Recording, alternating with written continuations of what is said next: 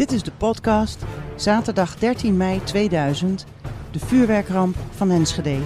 Presentatie Ben Meijerhof. Welkom, welkom weer bij een nieuwe aflevering van deze podcast. Zaterdag 13 mei 2000, de vuurwerkramp van Enschede. Wat kun je allemaal verwachten in deze aflevering?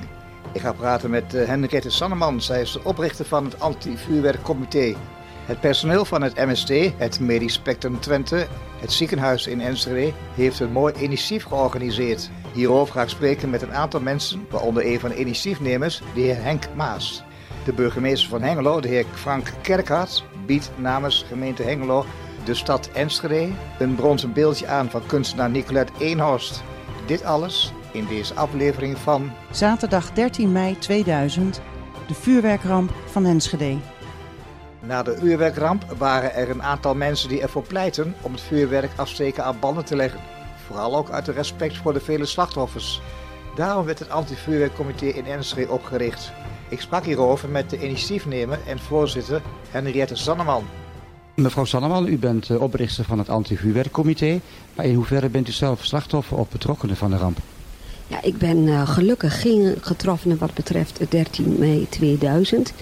Zij het niet dat mijn huis voor 18 jaar geleden naar alle waarschijnlijkheid afgebrand is door een verdwaalde vuurpijl of rotje. Dus in dat geval voel ik mij, ja, een beetje slachtoffer ten aanzien van vuurwerk. Um, even teruggaan naar de 13e mei. Um, kunt u zich herinneren wat u die dag gedaan heeft?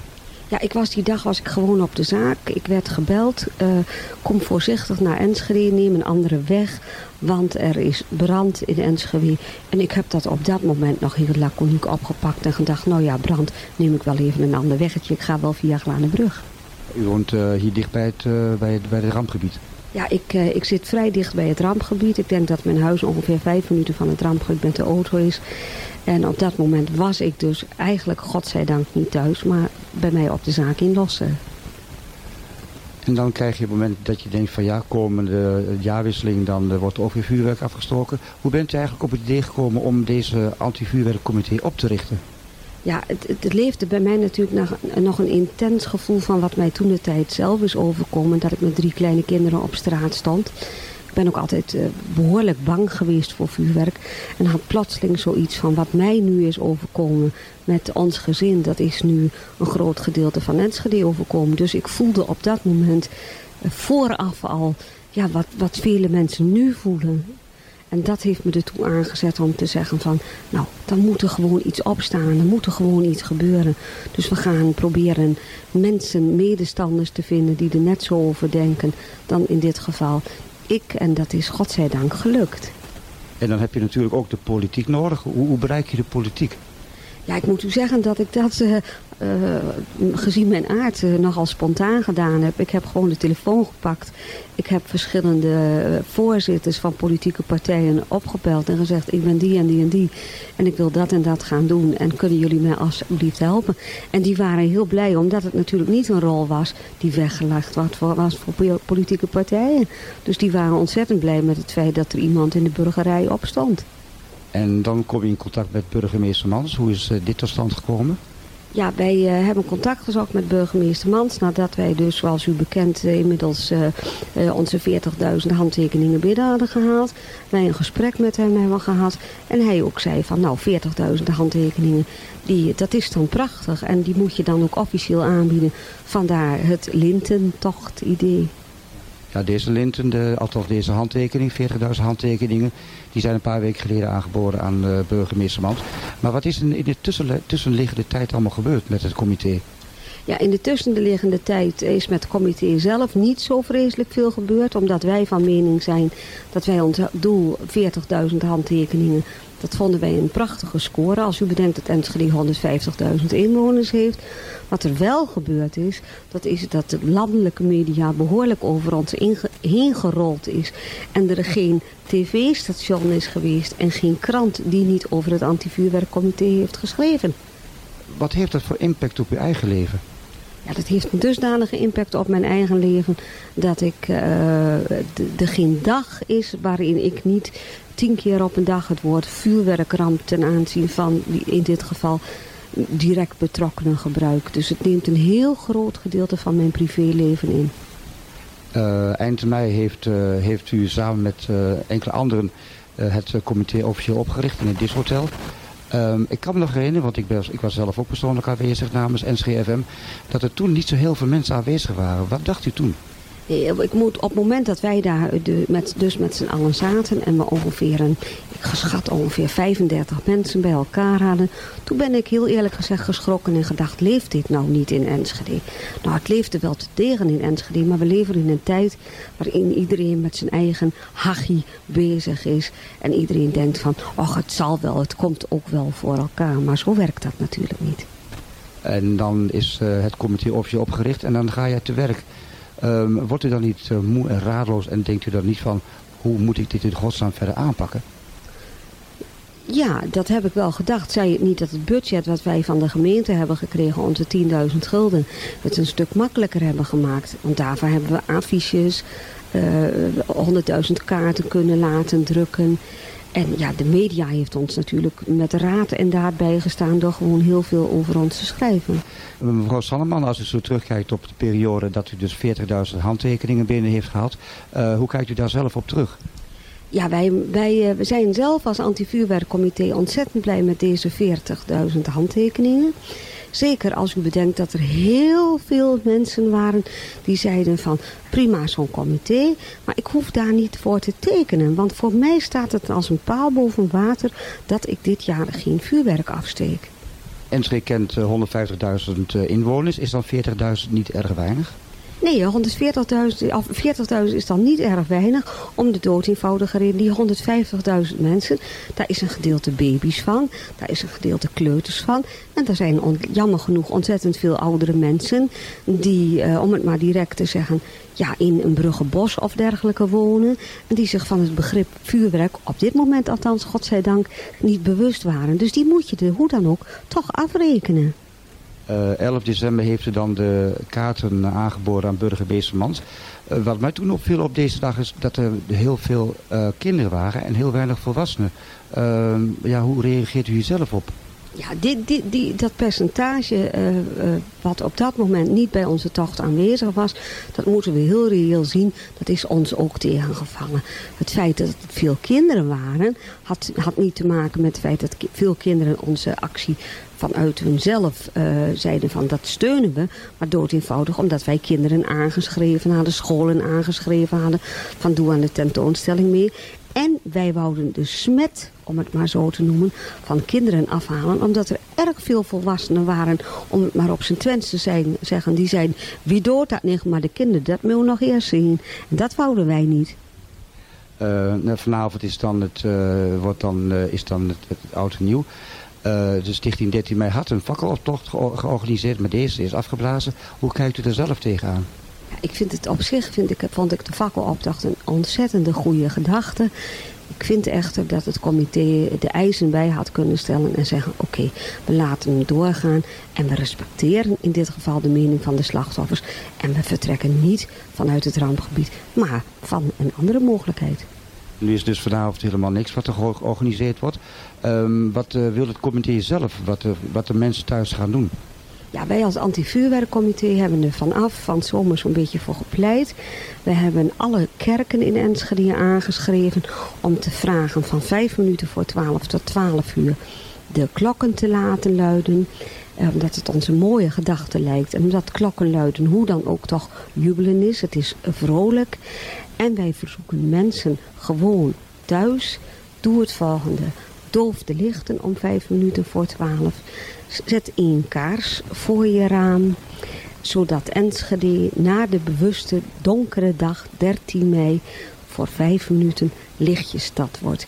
Dit lijkt ons een schitterend symbool om aan slachtoffers te laten zien van wij staan te degen achter jullie en ook naar elkaar om te laten zien wij zijn toch even één. Um, uw uh, streven was om te, uh, te proberen om te voorkomen dat mensen vuurwerk vanavond of vannacht zouden afsteken. Nu uh, is het verkoop van vuurwerk begonnen. En vooral bij de firma Haarman viel op dat daar heel veel vuurwerk verkocht is. valt u dat een beetje tegen? Nou, dat valt mij in zoverre valt mij dat tegen. Ik heb natuurlijk mijn eigen gedachten over het feit of meneer Haarman wel of geen vuurwerk verkoopt. Als je bedenkt dat we 48 depots hebben gehad, daar zijn er 40 die zich zelfstandig terug hebben getrokken. Daarna nog weer eens een keertje zes die gezegd hebben, om welke reden dan ook, wij doen het niet. Dan is het natuurlijk logisch dat dat kleine percentage, namelijk die 5% waar het ANP over praat, dat die zich richten op dat verkooppunt. En dat vind ik jammer.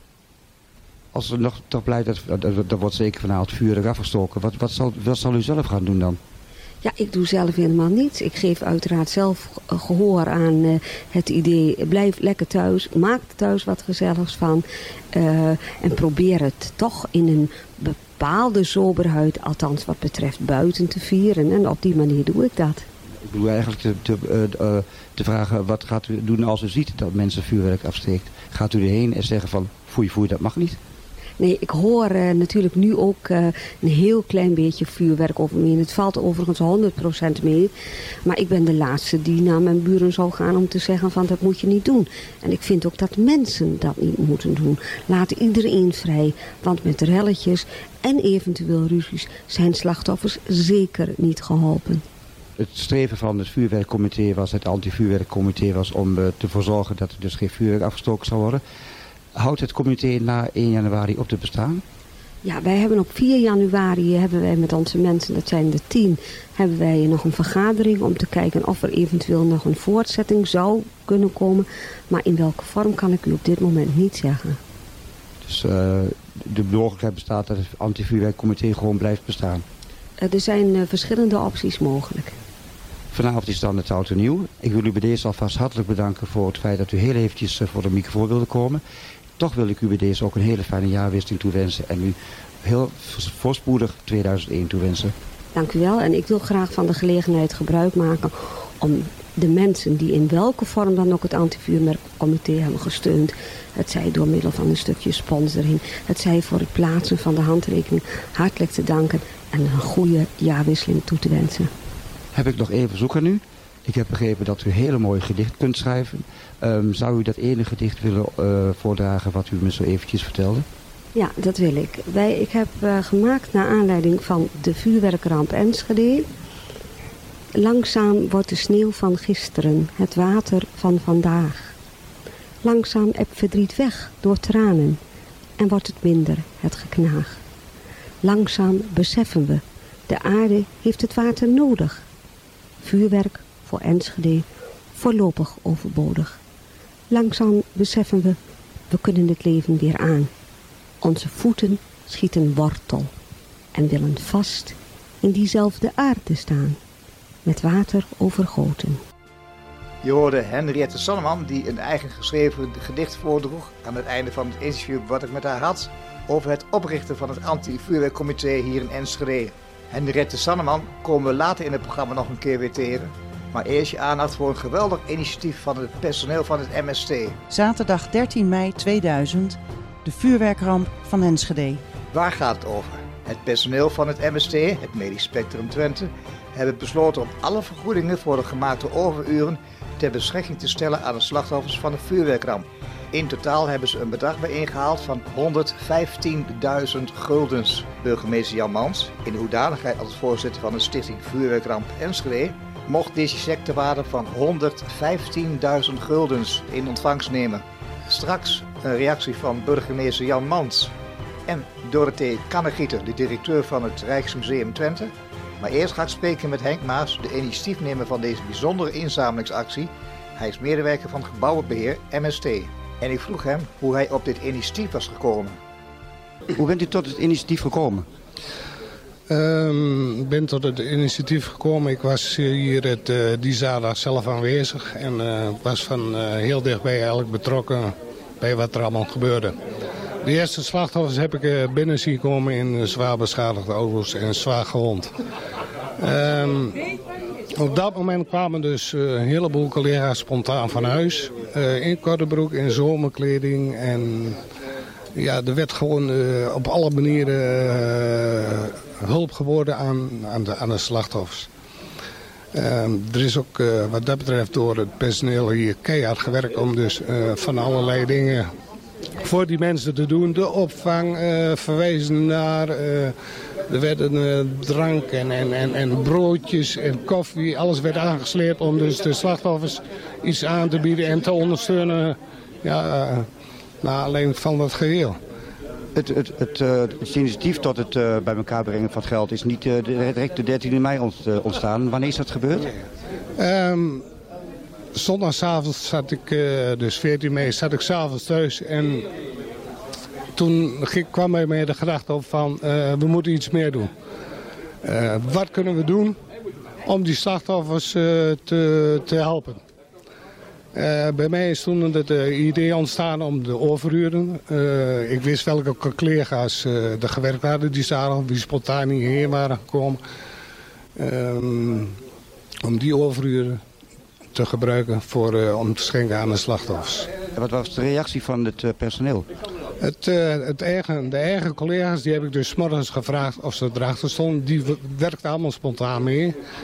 En mm, na aanleiding van dat idee ben ik dus middags uh, bij die bijeenkomst ben ik naar voren gekomen. En ik heb het dus aan het uh, personeel waar toen in grote getallen uh, bij die bijeenkomst was, heb ik dus ehm, dat voorstel eh, naar voren gebracht. En dat werd eh, spontaan door het personeel overgenomen. En waarop de heer Bijker, voorzitter van de Raad van Bestuur, nog weer de, nog een keer dat bedrag eroverheen deed. Dus het bedrag van 115.000 gulden wordt verdubbeld door het bestuur van het eh, MST? Ja, dat is verdubbeld door het uh, bestuur van het MST. En dat is ook uh, gebruikt voor, een deel van dat geld is gebruikt voor slachtoffers onder het personeel van het medisch spectrum zelf aan. Ook onder ons personeel zaten er slachtoffers bij. En ook mensen die in dat gebied wonen. Bent u tevreden over, over het bedrag? Ik ben zeer tevreden over bedrag en ik ben ook trots dat ik als uh, afgewaarde van het totale personeel uh, dit heb kunnen overhandigen. Het geld wat gaat gebruikt worden voor het ontmoetingsruimte bij het Rijksmuseum, bent u daar tevreden over? Ja, daar ben ik zeer tevreden over. Want ik denk namelijk dat het een heel belangrijk iets is die nazorgen wat de mensen nodig hebben om dus hun leer te verwerken en, er weer een beetje bovenop te komen. Want ook hier binnen de medispectrum zelf kwam vrij snel naar die ramp. Eh, de hulpverlening uh, op gang om dus mensen die een uh, probleem hadden met, met beelden van de ramp en alle ervaring om die te helpen. Dus ik, en dat is, wij, staan, wij stonden gewoon iets verder af als de mensen in het gebied zelf. Dus ik denk dat het zeer belangrijk is. Denkt u dat, dat er nog een vervolgactie komt? Dat durf ik niet te zeggen. dat durf ik niet te zeggen. Ik, uh, ik weet wel dat we dus uh, ook uh, als, als medisch spectrum bij het Rijksmuseum uitgenodigd worden...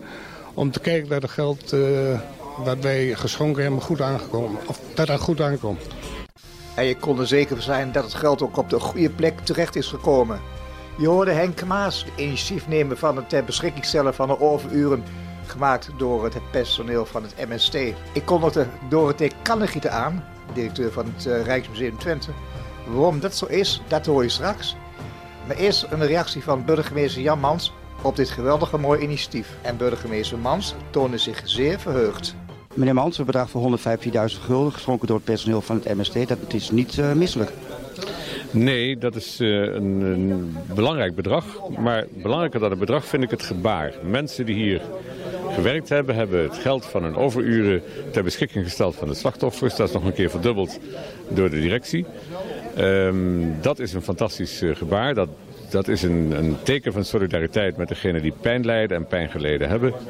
Ik heb de gelegenheid uh, aangegrepen om ook nog eens een keer duidelijk te maken dat wij in Nederland ervan uitgaan dat ziekenhuizen natuurlijk opvang plegen en natuurlijk gewonden helpen. Maar hier is iets enorms verricht.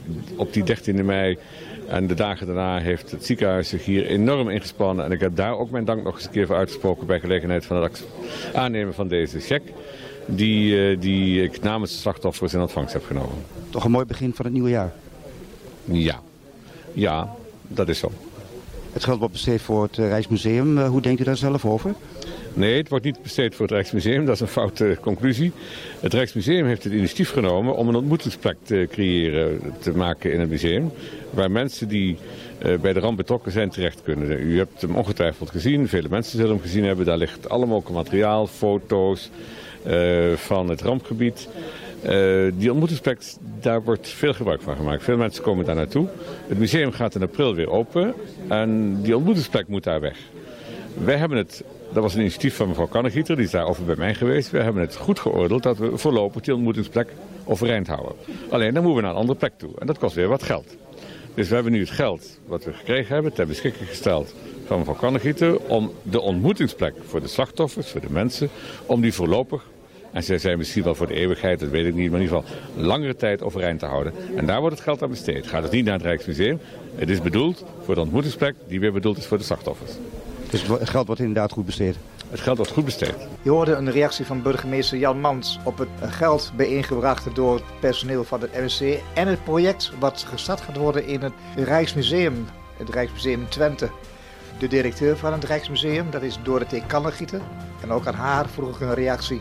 U heeft uh, vanochtend uit de handen van burgemeester Mans een uh, cheque te waarde van 115.000 gulden mogen ontvangen. Ja. Uh, wat is uw reactie hierop? Nou, reactie is natuurlijk dat ik er verschrikkelijk blij mee ben. Want het is een uh, goed begin van het bijeenbrengen van een bedrag... wat uiteindelijk een ton of zes zal moeten bedragen. Uh, dat we nodig hebben voor uh, het geschikt maken van op dit moment niet gebruikte losse hoes in de tuin... als permanent onderkomen voor, het ontmoetings, voor de ontmoetingsplek die we op dit moment in het museum hebben... omdat het nog leeg is en verbouwd is. En dus eigenlijk de ruimte voor, ja, voor museumbezigheden niet, niet wordt gebruikt. Maar als we straks in april weer gewoon open gaan, dan zullen we die ruimtes toch weer nodig hebben voor de eigen activiteiten. Dus we hebben lang nagedacht van hoe kunnen we toch deze ontmoetingsruimte die goed voldoet en waar mensen ook echt blij mee zijn dat die er is, die te continueren tot er misschien ooit een keer een andere oplossing komt, dat weet ik niet. Maar ik heb gezegd, zolang het nodig is, willen wij die ruimte gewoon hier houden. En toen kwam het ineens de gedachte op om dat losse hoes daarvoor te gebruiken. En uh, ja, toen uh, moesten we rond voor geld. Dus ik ben ook eens met de burgemeester gaan praten. En die heeft deze suggestie toegedaan. Nou, dus daar zijn we erg blij mee. Het geld is dus niet beschikt voor het uh, museum zelf? Nee, het is niet, niet bedoeld voor het museum zelf. Nee.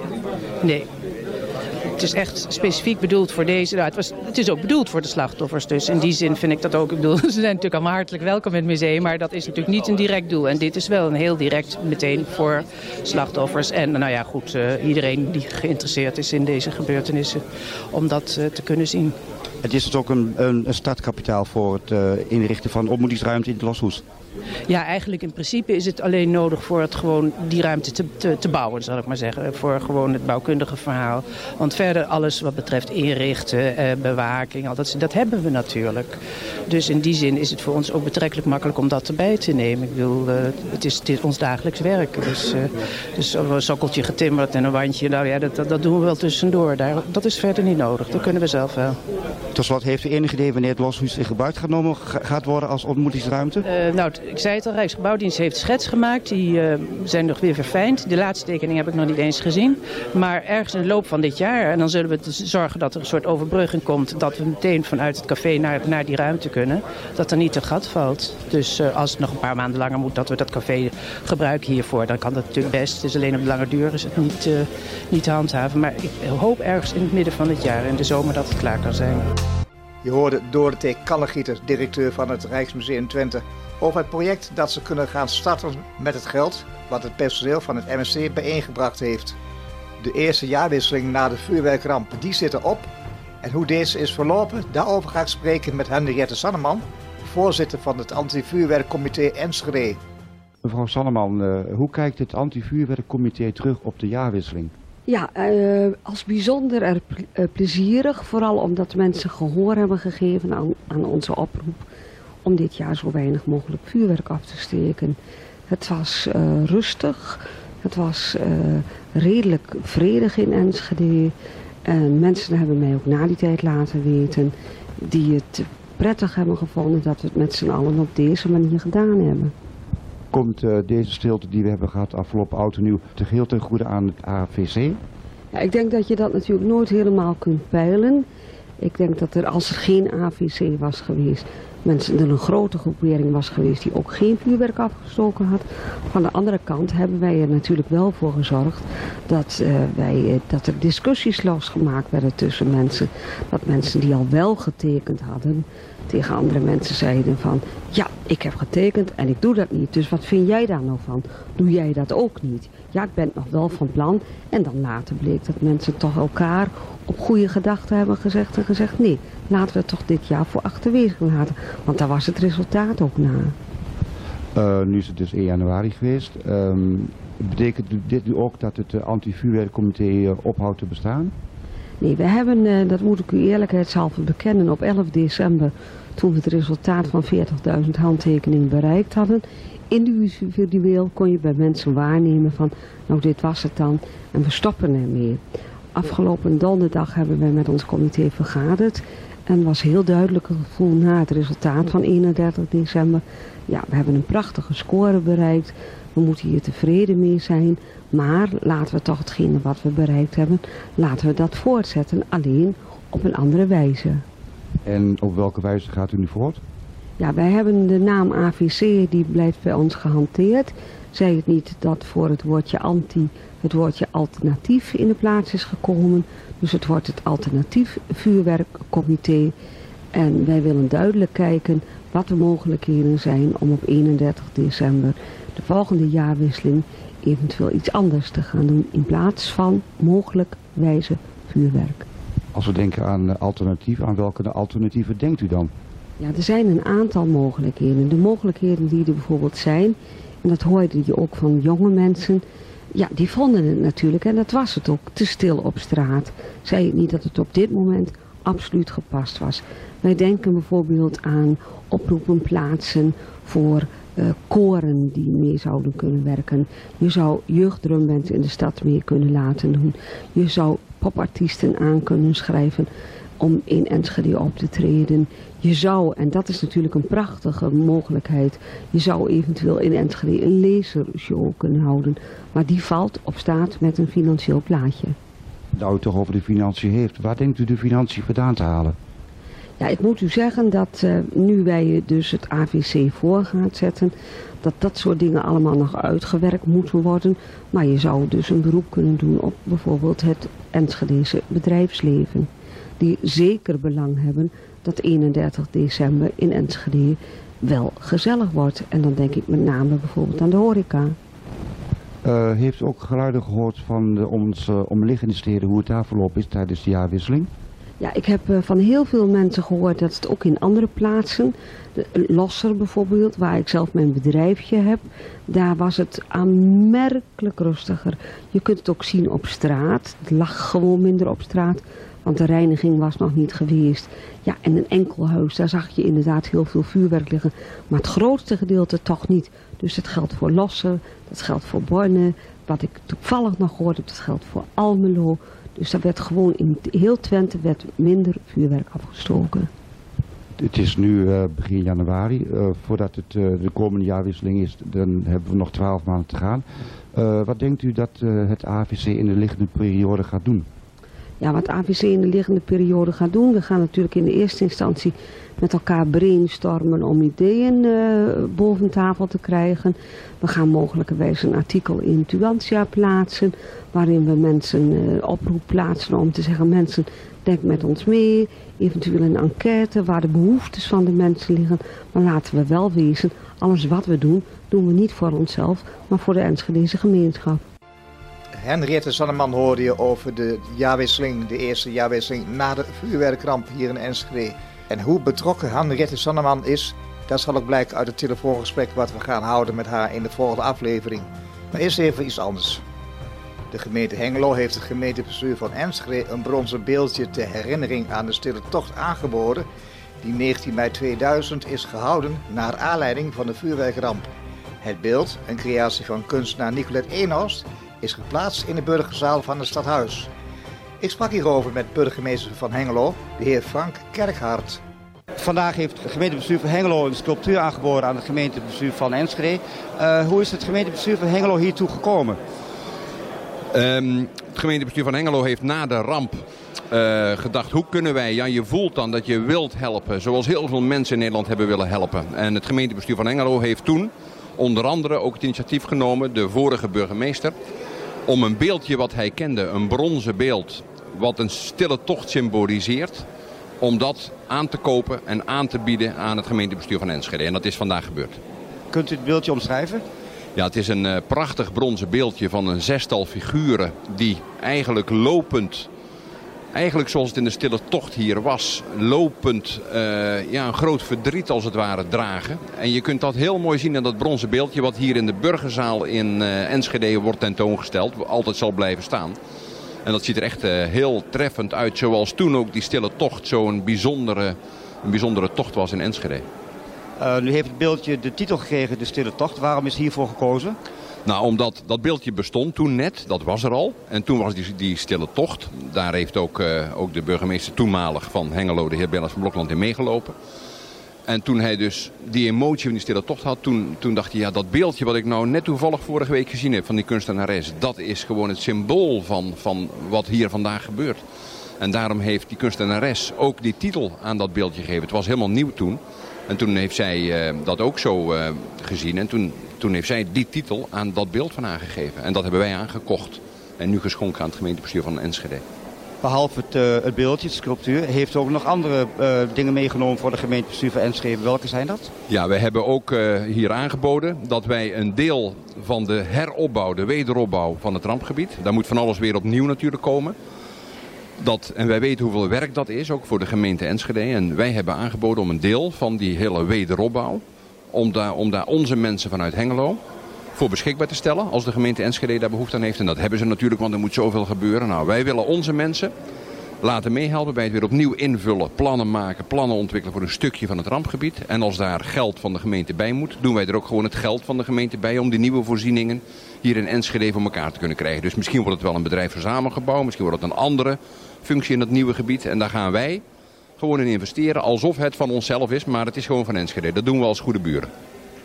En nu had het ook over een, een bedrag geld. Weet u ja. ook hoe hoog dit bedrag is? Nee, dat, ligt, uh, dat zal niet, uh, niet, uh, niet klein zijn. We zijn gewoon bereid om daar flink in te investeren alsof het gewoon een eigen hengeloze voorziening is. En dat is dan gewoon voor de gemeente Enschede. Als er hier iets moet komen wat gewoon een behoorlijk bedrag kost, dan betalen we dat gewoon.